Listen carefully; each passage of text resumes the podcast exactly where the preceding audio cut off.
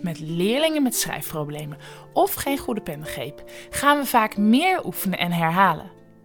In deze aflevering neemt Hanneke ons mee in hoe de ontwikkeling van het schrijven verloopt en welke gevolgen dit later heeft in het leren. Dit zijn dus ook eigenlijk zeven vaardigheden waarbij je al kan zien is een kind wel rijp om naar groep 3 te gaan.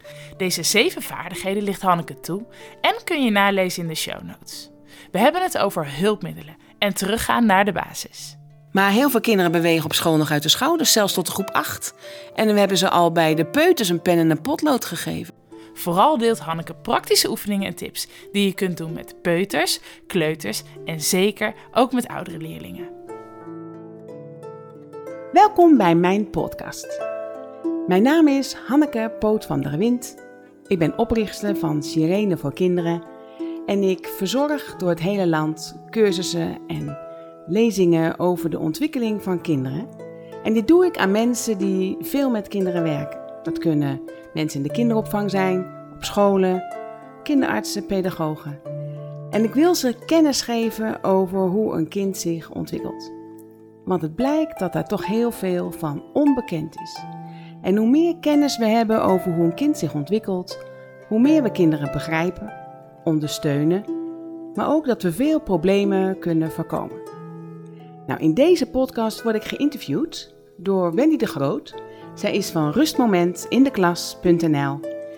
En zij zal doorvragen, zij zal samenvatten wat ik vertel, zodat jij als luisteraar tips krijgt en ook handvatten om alles wat je hoort ook in de praktijk te kunnen brengen en eigenlijk het liefst dat je dat gelijk toe kan passen. Ik wens je heel veel luisterplezier. Mocht je luisteraar zijn van uh, al eerdere afleveringen, dan weet je dat Hanneke haar motto vaak is: weet wat je ziet. En mocht je nog niet eerder hebben geluisterd, welkom dan in deze podcast, want dan word je gelijk meegenomen in de pengreep, de schrijfproblemen, dat waarschijnlijk, en ik ga Hanneke zo hiervoor aankijken, dat waarschijnlijk het oefenen van alleen het schrijven niet de oplossing is, maar dat we veel breder moeten kijken. Dat klopt helemaal. Dat klopt helemaal. Ja, en daar zijn we benieuwd naar, Hanneke. Je hebt zelf dit onderwerp ook eh, aangedragen om het over schrijven te gaan hebben. Waarom gaan we het apart hebben over schrijven? Ik merk in de praktijk zoveel kinderen moeite hebben met schrijven. Ook een verkeerde pengreep hebben. Ik zie leerkrachten er heel erg mee tobben en allerlei hulpmiddelen inschakelen. Er zijn ook veel kinderen die hulp zoeken voor het leren schrijven.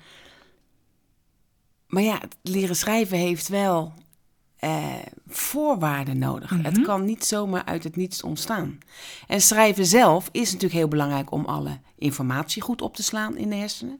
Daar hebben we in podcast 2 ook aandacht aan besteed. Mhm.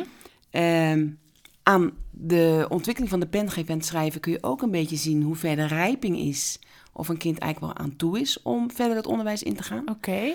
Dus het is echt een ding waarvan ik zie van ja, heel veel kinderen zijn on, onderontwikkeld eigenlijk om verder te gaan in het onderwijs. Maar ja, wij kijken naar rekenen en taalkennis, maar niet naar de ontwikkeling. Dus schrijven geeft heel veel informatie. Schrijven geeft veel informatie of kinderen later eh, in het onderwijs mee kunnen komen Ja. ook. Ja. En daarvoor is ook een goede pengreep belangrijk. En daar wil ik toch graag even een aantal dingen over delen. De pengreep apart. Vertel. Ja. Want waarom is die pengreep zo belangrijk? Ik zeg vaak, als je met je rechterhand schrijft, heb je contact met je linker hersenhelft. Als je met je rechterhand schrijft, heb je contact met je linker hersenhelft. Oké, dus dat gaat tegenovergesteld, zeg maar. Ja, gaat kruislinks. Maar ik heb ook informatie van mijn rechter hersenhelft nodig. Mhm. Nou, dan hangt het af hoe goed je die verbinding hebt ontwikkeld tussen je linker en rechter hersenhelft. Dat je je informatie van je rechter hersenhelft kan overheven naar links om het op te schrijven. Mhm. Nou is het fantastisch dat als je je handen goed ontwikkelt, allebei, en daar langdurig symmetrisch mee oefent, er iets ontstaat in de hersenen dat alle prikkels van je rechterduim gaat Ja. naar je linker hersenhelft en de informatie van je linkerduim gaat naar de rechterhand. Ja, en daarvoor moeten we langdurig symmetrisch Symmetrisch bewegen. Ik ga zo met je kijken Ja. welke Ja, fase.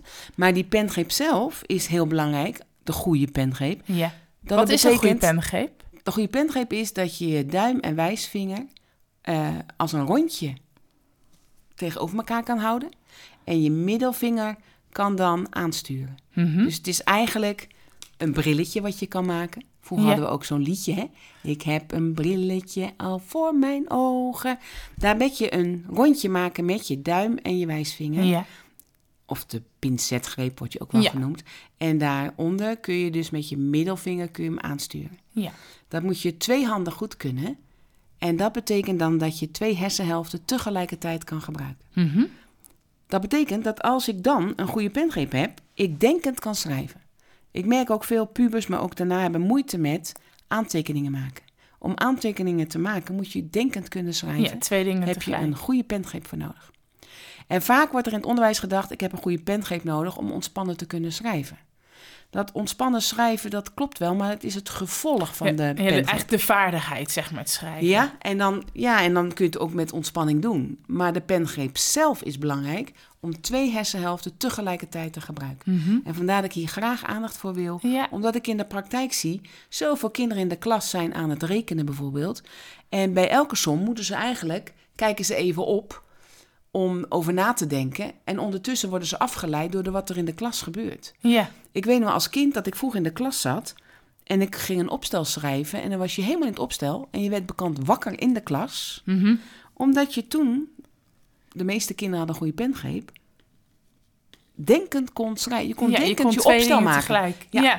En dat kunnen de kinderen niet meer Nee. met alle gevolgen van die. En daardoor heb je eigenlijk ook meer ruimte om dus weer afgeleid te raken. En nou ja, dan... ja, je wordt inderdaad, Ja. je ziet te veel. Ja. Terwijl je in de flow van je werk moet komen. Ja. En die pengreep daarom belangrijk is dat je twee hersenhelften tegelijkertijd kan pakken. Ja. Of de informatie En eruit. toch nog een klein zijstapje, want we hebben het nu over schrijven en pengreep. Is het niet wat ouderwets, Hanneke, dat we het hier nog over hebben in onze digitale tijd? Aangezien onze hersenen nog steeds ontwikkelen door te bewegen en door de pen. Mhm. We hebben in de tweede podcast met elkaar ook over gehad dat alles wat je in een computer zet, in de computer Ja. blijft. En daar gebeurt niks in de hersenen. verder. Nee. Maar als je schrijft, dat je dus alle kennis opslaat, is het enorm belangrijk dat we onze kinderen blijven leren schrijven. Blijven leren schrijven, want dat is natuurlijk eigenlijk ook tegenwoordig wat minder vanzelfsprekend dat we Ja. dat doen. Helaas wel, Ja, met alle gevolgen van dien. ja, Want onze kinderen slaan te weinig informatie op. ja. Er zijn zelfs nu middelbare scholen die alles weer laten uitschrijven, omdat kinderen te weinig kennis hebben. Maar ja, die worden moe, want ze zijn niet meer gewend en hebben geen conditie om te schrijven. Dus op basisscholen zeg ik alsjeblieft lezen schrijven, maar dan wel op de goede manier. En de goede manier. Vertel, En hoe, ze- wat wij- is de goede manier? Ja, om te leren schrijven, afgezien van de ontwikkeling van de hand, hebben we nog zes vaardigheden nodig die een kind geautomatiseerd moet hebben om te leren schrijven. En ik merk inderdaad wat jij net al aan het begin zei. Als een kind niet kan schrijven, dan gaan we door hulpmiddelen het kind dwingen om een goede pengreep te Ja. hebben. En gaan we dat eindeloos blijven herhalen. Maar dan denk ik, ja, allereerst dwing je een kind iets te doen wat hij eigenlijk niet kan. En ten tweede, dan slaan wij heel veel fasen over die een kind ook moet kunnen. Mhm. Kijk, ik zeg vaak als je wil leren huppelen, heb je drie vaardigheden nodig die je geautomatiseerd moet hebben. Ja, Om te kunnen huppelen moet je kunnen springen op twee benen. Je moet kunnen hinkelen en je moet ook kunnen kruipen. Want hinkelen is eigenlijk, of huppelen is springend kruipen. Maar dan moet je die fase wel gedaan hebben, ja. anders hoef je het kind niet te leren. Nee, in het huppelen zit dan het springen en het hinkelen. En wat zijn En de kruipen. En het kruipen. Ja, Ja. als een kind niet gekropen hebt, dan kunnen ze, hebben ze, kunnen ze eigenlijk niet Nee, nee. huppelen. Nou, zo is dat met schrijven ook. Voor de schrijven is dus de handontwikkeling belangrijk. Daar ga ik ook zo aan eh, naar kijken. En nog vele andere eh, vaardigheden die ze moeten automatiseren. Voordat je uiteindelijk tot een goede pengreep kunt ja, komen. en tot schrijven kan komen. Tot schrijven. Want schrijven is meer dan alleen de pengreep. Ja, De pengreep is een onderdeel als vaardigheid. oké. En om tot die goede pengreep te komen, dus even de handontwikkeling, Mhm. moet een kind allereerst goed op zijn buik hebben gelegen. Want de babyhanden, een babyhand is helemaal gebogen. We hebben het in de vorige podcast over gehad. Een babytje is helemaal in de buigfase, helemaal gebogen. Dus de duim zit in de hand en de vingers eromheen. Mhm. Die handen gaan open als een kind goed op zijn buik gaat liggen. En als je goed op je buik ligt, zie je dat die handen helemaal open gaan. En dan gaan de duimen loodrecht op de handen staan. Dat is de eerste fase van de goede pengreep. Vanaf de kleuterleeftijd, en dat kun je ook al bij de oudste peuters doen, gaan we leren dat die duim zich ontwikkelt tegenover de hand. Die gaat dus los van de hand ontwikkelen. De duim gaat tegenover de hand. Ja, je ziet het ook wel. Je ziet veel kinderen als ze op de fiets zitten, dan hebben ze de duim naast de hand. Of op de schommel zit die duim naast de hand. Ja. Je ziet het zelfs in het klimrek bij veel kinderen, dat de duim naast de hand moet, Ja. is. Maar hij moet tegenover de hand. Ja, anders heb je ook geen grip. Anders heb je geen grip. Ik zeg altijd wel, corrigeer dat niet zomaar. Een kind die zijn duim niet ontwikkeld heeft... en je haalt die duim weg om het er tegenover te doen... dan wordt de aantal vingers waar ze aan hangen veel kleiner. Ja. Dus eerst die buiklig en daarna dus dat opponeren noemt dat. Dus die duim tegenover de hand. Hoe ontwikkelt een kind die? Dat doe je dus door een doekje uit te wringen. Door een blikje open te draaien. Ja. Door een tolletje aan te draaien. Door te scheuren. Je ziet ook veel kinderen die lopen te trekken met scheuren, omdat ze niet die duim los van de hand kunnen gebruiken. Maar ook vingerpoppetjes of poppenkast spelen. Ja. Dat zijn allemaal vaardigheden die een kind moet doen. Gehaktballetjes maken. Of van klei rolletjes maken. Of Ja. van klei gehaktballetjes. Daarbij gaat dus die duim zich ontwikkelen tegenover de hand. En dan ontwikkel je de pengreep. Maar die fase moet je wel doen om die pengreep te ontwikkelen. Ja. Buiklig en opponeren. Dus die duim tegenover de hand. Ja, dus dat is echt wel iets waar we ons bewust van mogen zijn. Dat dat ook zeker bij, bij peuters, bij, ehm, of als we het hebben over die duimontwikkeling, dat dat bij peuterskleuters echt in het aanbod zit. Dat Zeker bij de kleuters ook. Ja, want veel kleuters komen op school met een pengreep Ja. die geen pengreep is. Kinderen krijgen veel te vroeg een pen en een potlood in hun handen, al bij de peuters. Dat hoort daar niet, want die ontwikkeling van de hand zit daar nog niet. Ja. Dus zeg ik tegen leerkrachten, ga niet verder met de pengreep waarmee kinderen op school komen. Want het is geen goede pengreep, die moet zich nog ontwikkelen. Ga alsjeblieft op school kijken of ze via buiklig de duim loodrecht op de hand hebben. Eigenlijk dat je die letter L zeg maar maakt. Om het Met even- letter L. Kijk, want Hanneke Ja. zit hier tegenover mij mooi te laten zien met de gebaren. Dus ik probeer soms voor de luisteraar uit te leggen wat ze bedoelt. Ja, dus je krijgt zo'n L, Ja. dus die duim staat er loodrecht op. En dan moeten ze dus tegenover die handen. En dat is echt wat bij de kleuters hoort. Eindeloos die duim tegenover Ja. de vingers proberen te ontwikkelen. Ja. En dat is dus één vaardigheid van de zeven Oké. die een kind geautomatiseerd moet hebben. Ja. En dit is dus de pengreep. De pengreep. Ga ja. ik nu naar de andere vaardigheden. Ja, heel graag, heel graag. De eerste vaardigheid, die hebben we in podcast 3 besproken, is dat een kind goed kan steunen op zijn armen. Dus die moet kunnen kruipen op zijn armen, kruiwagentjes spelen, kikkersprongen.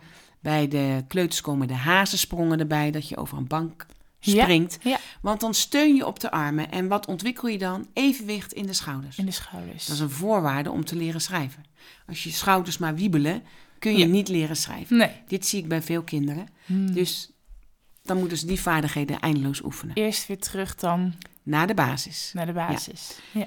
De tweede is, wij hebben in de tweede podcast over gehad dat kinderen door dingen te ervaren, dorpen en steden aanleggen in de hersenen. Dus gebieden waar informatie naartoe kan gaan. ja. En opgeslagen wordt. En opgeslagen wordt. Wij hebben hele grote gebieden voor de handen. Die zitten hier boven op je hoofd. En het is een groot gebied. Waarom? Er zitten veel zenuwuiteinden in je handen. Dat gebied is gespecialiseerd als een babytje geboren wordt voor je handen, maar het gebied moet je aanleggen. Hoe leg je dat gebied aan voor de kinderen? Mhm. Door ze op de handen te laten steunen.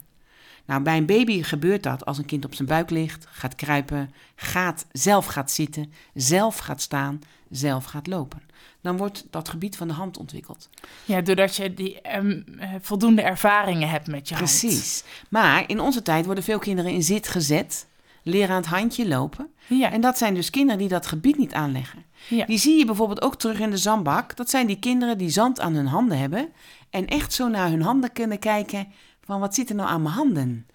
Waarvan ik vaak terugkrijg, dat is prikkelverwerkingsproblemen. Dan zeg ik nee, als je prikkelverwerkingsproblemen hebt, dan probeer je zo snel mogelijk het zand van je handen af te halen. Mhm. Dit zijn kinderen die dat gebied van de handen onvoldoende hebben aangelegd. ja, dus Dus die moeten weer veel gaan kruipen, kruiwagentje, kikkersprongen en hazensprongen maken. Ja, die dus eigenlijk het, bewust, het bewustzijn gewoon niet zo goed hebben van hun handen. Van hun handen. En Ja. dat dus dat gebied onvoldoende hebben aangelegd. in de- dus in de informatie kunnen ze niet goed Nee. opdoen met de handen. Terwijl ze de eerste jaren juist of de wereld aftasten met hun handen, Ja. kunnen ze dat onvoldoende. Dus dat is de Tweede. derde vaardigheid. Ja, tweede van de vaardigheid. Met, met pentgreep is de derde vaardigheid. De vierde vaardigheid om te leren schrijven is dat een kind de bewegingen van het schrijven meekrijgt met zijn hele lijf. Bewegingen van het schrijven. Ja, als je schrijft, dan, ga, dan beweeg je vooruit, je gaat stoppen, je gaat achteruit. En die Ja. beweging moet een kind eerst met zijn hele lijf kunnen. Dus veel vooruit gaan lopen, stoppen, achteruit lopen, maar ook zijwaarts lopen. Wij moesten vroeger als kind, begonnen wij elke bewegingsles hiermee. Mhm. Lopen en dan moesten we stoppen of we moesten springen of we moesten de grond aanraken. Ja. Achteruit lopen en zijwaarts lopen. Het zijwaarts lopen heb je ook nodig om te leren op een regel te schrijven, maar ook op een rechte regel te lezen. Ja. Ik was pas op een middelbare school en de wiskundeleraar zei: ze slaan bij het lezen veel zinnen over, waardoor je je instructies niet goed hebt. Nee. Dat komt omdat je niet recht kan bewegen. Wij moesten zelfs vroeger zijwaartse sprongen maken, dus springend zijwaarts bewegen. Oké. Het zijn allemaal vaardigheden die onvoldoende worden aangereikt. Dat geldt hetzelfde als dat ik bij de kleuters zeg: ga spelletjes doen als een grote reus en een kleine kabouter, een dikke meneer en een dunne mevrouw. Dat zijn allemaal verschil in ritmes, Ja. verschil in vormen, waardoor je dus de lusletters, de dikke letters, de lange letters leert met je lijf. Dat moet een kind eerst kunnen, willen ze het daarna steeds kleiner gaan maken. Bij de kleuters zeg ik ook, geef ze lint in de handen en ga met linten allemaal bewegingen maken. Dat is dan uit de schouders. Als een kind dat niet groot kan, het ook niet ook klein. niet klein. Nee, eigenlijk komt nu eh, terug wat je ook wel eens eerder hebt verteld... van dat bewegingen van groot naar klein ook gaan. Dus we vragen al kleine bewegingen op papier... maar we vergeten soms de grote fase die ervoor liggen. Heel goed, want hier noem je nog een andere fase inderdaad. Dat het kind sowieso van groot naar klein kan gaan. Ja, Dat hebben we al eerder besproken. Maar ook om te leren schrijven heb je ritmeontwikkeling nodig. Mhm. Je kunt niet leren schrijven als je geen ritme hebt in je armen. Nou, daarom is kruipen bijvoorbeeld heel belangrijk. Want met kruipen leer je ritmeontwikkeling. Maar veel op scholen gaan we ritmes klappen.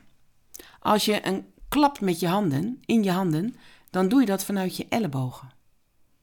dus je Maar klapt in veel- je handen doe je dat vanuit je Uit je ellebogen. ellebogen. Ja, Veel kinderen die op school komen, bewegen nog uit hun schouders. ja. Dus die leren niet zoveel van in hun handen klappen. Je moet dan weer gaan kijken waar zit de ontwikkeling. Mhm. En dan ga je dus weer in die naaste zone zitten. Ja, Dus om ritmes te leren bij de kleuters gaan we dus kruipen. Maar ook klappen vanuit de schouders. Dat doe je dus met bekkens of sambaballen. Of een djambé of een trommel met stokjes. Maar dat moet dan uit de schouders beginnen. We doen het veel te snel, al te klein. ja. Waardoor die ritme zich niet ontwikkelt.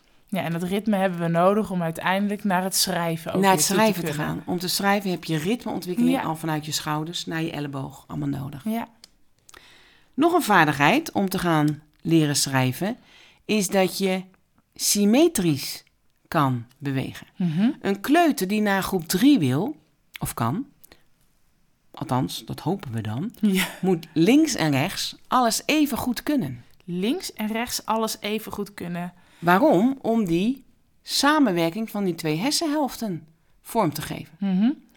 Maar heel veel kinderen die op school komen, zijn uitgesproken rechts- of linkshandig. Ja, Doen die alles hebben al een voorkeurskant ontwikkeld. Dat zeggen, zeggen we dan. Ja, De dominante hand ontstaat al in de baarmoeder. Eén Oké. hersenhelft is beter doorbloed dan de ander. Mhm. Het is natuurlijk handig als dat een kind naar groep 3 gaat. Hij weet of hij rechts of linkshandig is. ja.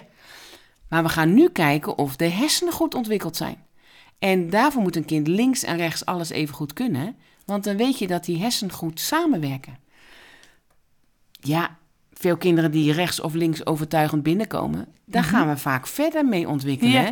Waardoor het kind dat onvoldoende die hersenstam of eh, die eh, De samenwerking. balk tussen die Ja. twee hersenhelften heeft ontwikkeld. Ja, dat zie je aan hun gedrag. Kinderen zijn heel snel gestrest, snel dat ze een blackout hebben of snel boos of verdrietig. Mhm. Rechts en links moeten ze even goed kunnen. Dat betekent dat ik al bij de baby's zeg, laat baby's met handen eten. Mhm. Geen één of twee vorken of, of eh, een lepel, maar de eerste twee jaar met de handen eten. Dan heb je ook gelijk de oog-handcoördinatie. Ja. Dat begint met de mond-handcoördinatie. En dan vanaf 2, 2,5 geef ze dan altijd tweehandig, dus een lepel en een vork. Twee kwasten, twee handen scheerschuim, twee handen vingerverf, alles twee handen. Alles twee handen. En bij de kleuters ook twee handen krijt, twee handen eh, ook weer een kwast. Alles tweehandig aanreiken, zodat die hersenhelften goed gaan leren samenwerken. Het is een heel belangrijk om kennis te combineren. En wanneer ontstaat dan wel meer de ruimte voor die voorkeurshand? Als een kind bij de kleuters tot de laatste dag tweehandig zijn, Mhm. kunnen ze naar groep 3. En in groep 3 zeg ik ook vaak, als ze dan taal of rekenen hebben moeten schrijven, ga daarna weer naar activiteiten in de symmetrie. Ga tweehandig activiteiten aanbieden. En dat geldt tot en met groep 8 weer. Ja. Ga ook veel knutselen waar ze twee, allebei de handen nodig hebben. Maar we beginnen te snel, naar, we gaan te snel lateraliseren. Ja. En lateraliseren is dat het kind via zijn dominante hand of dominante kant zichzelf aan gaat sturen. Ja, een, een kleuter van vier, die is nog niet gelateraliseerd. Dat is gemiddeld tussen zes en zeven jaar pas. Dus als we al denken als een kind op school komt, het kind is gelateraliseerd, dan denk ik, heb je kennis over? Ga naar de symmetrie, want het kind heeft het juist onvoldoende gedaan. Ja. Ja. Ja. Duidelijk. Dus dat zijn allemaal van die vaardigheden die een kind eindeloos heeft moeten automatiseren voordat hij kan Voordat we schrijven. naar het schrijven toe gaan. En we hebben er nog één. Vertel. En dat heeft via de zintuigen. Oké. Ik zeg altijd, moet je maar zelf eens voelen als je schrijft, dan zit je gevoel niet in je hand, ook niet in de pen, maar je gevoel verplaats je door je pen heen naar het papier. Je voelt het papier onder je pen. Je kunt pas schrijven als je je gevoel kan verplaatsen naar het papier. Je kunt pas schrijven als je... Ik herhaal het nog even hoor. Je kunt pas schrijven als je gevoel kunt verplaatsen naar papier. Je ziet het ook zelf als je in een auto rijdt. Je kunt pas in een auto rijden als je je gevoel verplaatst naar de puntjes van de auto. Dat is ook de reden dat als Ja. je tegen een paaltje aanrijdt, je, oeh, dat voel je aan je eigen lijf. Ja. Dit kind moet een kind ontwikkeld hebben. Ja. Nou, dat kun je bijvoorbeeld ontwikkelen door een kind een pollepel te geven waarmee die een ballon omhoog moet houden. Mhm. Dus een voorwerp waar die een ander voorwerp omhoog moet slaan. Ja. Kijk, als je gaat tennissen, je kunt pas leren tennissen als je je gevoel door je arm, door je racket, uiteindelijk bij die bal terecht Ja, kan ja. laten komen. Hockeyen kun je pas als je door je hockeystick die bal aan kan sturen. Nou, dat geldt voor schrijven ook. Ja. Vandaar dat ik ook bij de voorschoolse, maar ook bij de kleuters zeg: ga veel spelletjes doen waarbij een kind met een voorwerp een ander voorwerp aan moet sturen. Je kunt ze ook bijvoorbeeld in het bewegingslokaal een stok geven met twee handen en dat ze een pittenzak naar de overkant duwen. Dan moeten ze dus door die stok die Mm. Ja. pittenzak Pittenzak voelen aansturen. en naar de overkant duwen. Als een kind dat niet kan, krijgen ze een probleem met schrijven. Ja. Dat is een mooie oefening die je geeft. Twee pittenzakken, twee stokken. Ja, één pittenzak. Ja. Twee sto één stok, één pittenzak. Maar met twee handen Oh ja. hou je die stok vast en duw je het naar de overkant. Ja. Dus dit zijn dus zeven vaardigheden die een kind goed geautomatiseerd moet hebben voordat hij kan leren schrijven. Dit zijn dus ook eigenlijk zeven vaardigheden waarbij je al kan zien, is een kind wel rijp om naar groep 3 te Ja. gaan. Ja. Want ik heb al eerder in een podcast gezegd, je kunt zien aan de sensormotorische ontwikkeling of een kind rijp is naar groep 3 te gaan. Als een kind één van deze zeven vaardigheden niet geautomatiseerd heeft, dat gaat niet lukken in groep 3. Ja, dan Want deze je vaardigheden zeggen al iets van de samenwerking van de hersenhelften, van het gebruik van de kennis uit die hersenhelften. Ja, en of ze überhaupt die schrijfbeweging kunnen maken enzovoort. Ja, dus dan lopen ze eigenlijk waarschijnlijk, als dit niet goed doorlopen is of niet goed ontwikkeld is, tegen ontwikkelingsproblemen Ja, aan. ze lopen vast. Ja, En daar zie ik het hele onderwijs vol van. En dan gaan we allemaal hulpmiddelen gebruiken. We gaan eindeloos het schrijven oefenen. Maar als een kind een van deze zeven vaardigheden niet, niet geautomatiseerd heeft, kan het kind niet schrijven. ja, ja. Kunnen we dit ook ergens nalezen, deze zeven vaardigheden? Ja, het zit deels in mijn boekje De Zintuigelijke Ontwikkeling. Ja, Ehm, als mensen echt belangstelling hebben, kunnen ze me beter mailen. Want ik heb hier een artikel over geschreven hoe een kind leert schrijven. nou kijk, mooi. Ja, ik las jouw boekje, je noemde net je boekje even eh, ook. En ik las in een boekje een heel mooi citaat. Via de hand komt kennis op papier. Wat bedoel je daarmee? Ja, ik vind hem heel mooi, maar misschien wil je hem toelichten. Ja. Allereerst, wat ik net al aangaf, als de hand goed ontwikkeld is, kun je twee hersenhelften tegelijkertijd bedienen. En kun je dat dus gaan opschrijven. Ja. En schrijven is zo belangrijk dat kinderen kunnen laten zien wat ze weten. Dat doe je dus niet via de computer. Dat moeten ze met hun hand, via hun hand, laten ze zien welke kennis in hun hoofd zit. Ja. ja, dus via de hand komt kennis op papier. Ja. Ja, ja. Zo wordt ook een boek geschreven, hè? uiteindelijk. Uiteindelijk wel. Ja. Het schrijven is dus eigenlijk terug te brengen naar gro- grote bewegingen vaak, die eerst voorafgaand. Ja. Dat zijn grote, nou, je noemde net al een spelletje over de pitzakken in het speellokaal. Maar eigenlijk vindt dus de ontwikkeling van schrijven ook deels in het speellokaal, in de gym, bij de grote motorische bewegingen plaats. Ja. Ja. Heb je daar nog tips voor? Nou ja, dan kom ik weer, hè. Met buiklicht rollen en kruipen. Ja. Het is erg saai, maar dit is wel de basis. Ik Ja. heb net al een aantal dingen aangereikt. Ja. Wat allemaal weer hun wortel in die eerste Ja, levensfase eigenlijk, in die eerste motorische fase liggen. En dat eh, ook in het bewegingslokaal je die loopvormen allemaal doet, allemaal beweegt. Ja, die Leert loopvormen. stoppen, zijwaarts springen. Al dit soort vaardigheden die ik als kind, als ik heel eerlijk ben, tot de laatste dag op school, elke gymles, Gymles. begonnen we daarmee. begonnen we in de kring met z'n allen opzij. Precies. En Ja. ook met ritmes. Er was een Ja. djambé, dan moest je allemaal ritmes lopen. En dat heeft allemaal met schrijven te maken. Ja. ja. Dus eigenlijk, ga terug naar de basis, alsjeblieft. En dat geldt natuurlijk ook, eh, een bal gooien en vangen, krijg je ook die oog-handcoördinatie natuurlijk. ja. Dus dat soort vaardigheden zeker ook meenemen.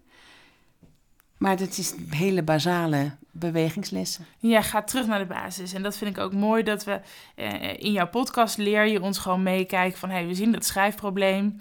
We zijn geneigd om meer te gaan oefenen, maar ga terug naar de basis. Heb je ook nog ehm, tips voor hulpmiddelen? Want de hele winkel ligt vol met de, de bekende Stabilo-pennen. En eh, wat, wat vind jij? Ja, het spijt mij ook voor Stabilo, maar ehm Stabilo pennen en ook die driepunt spotloden, die dwingen een kind in een bepaalde, de vingers in een bepaalde stand te houden. En dan zie je ook vaak van die witte kootjes ontstaan in die Mhm. handen.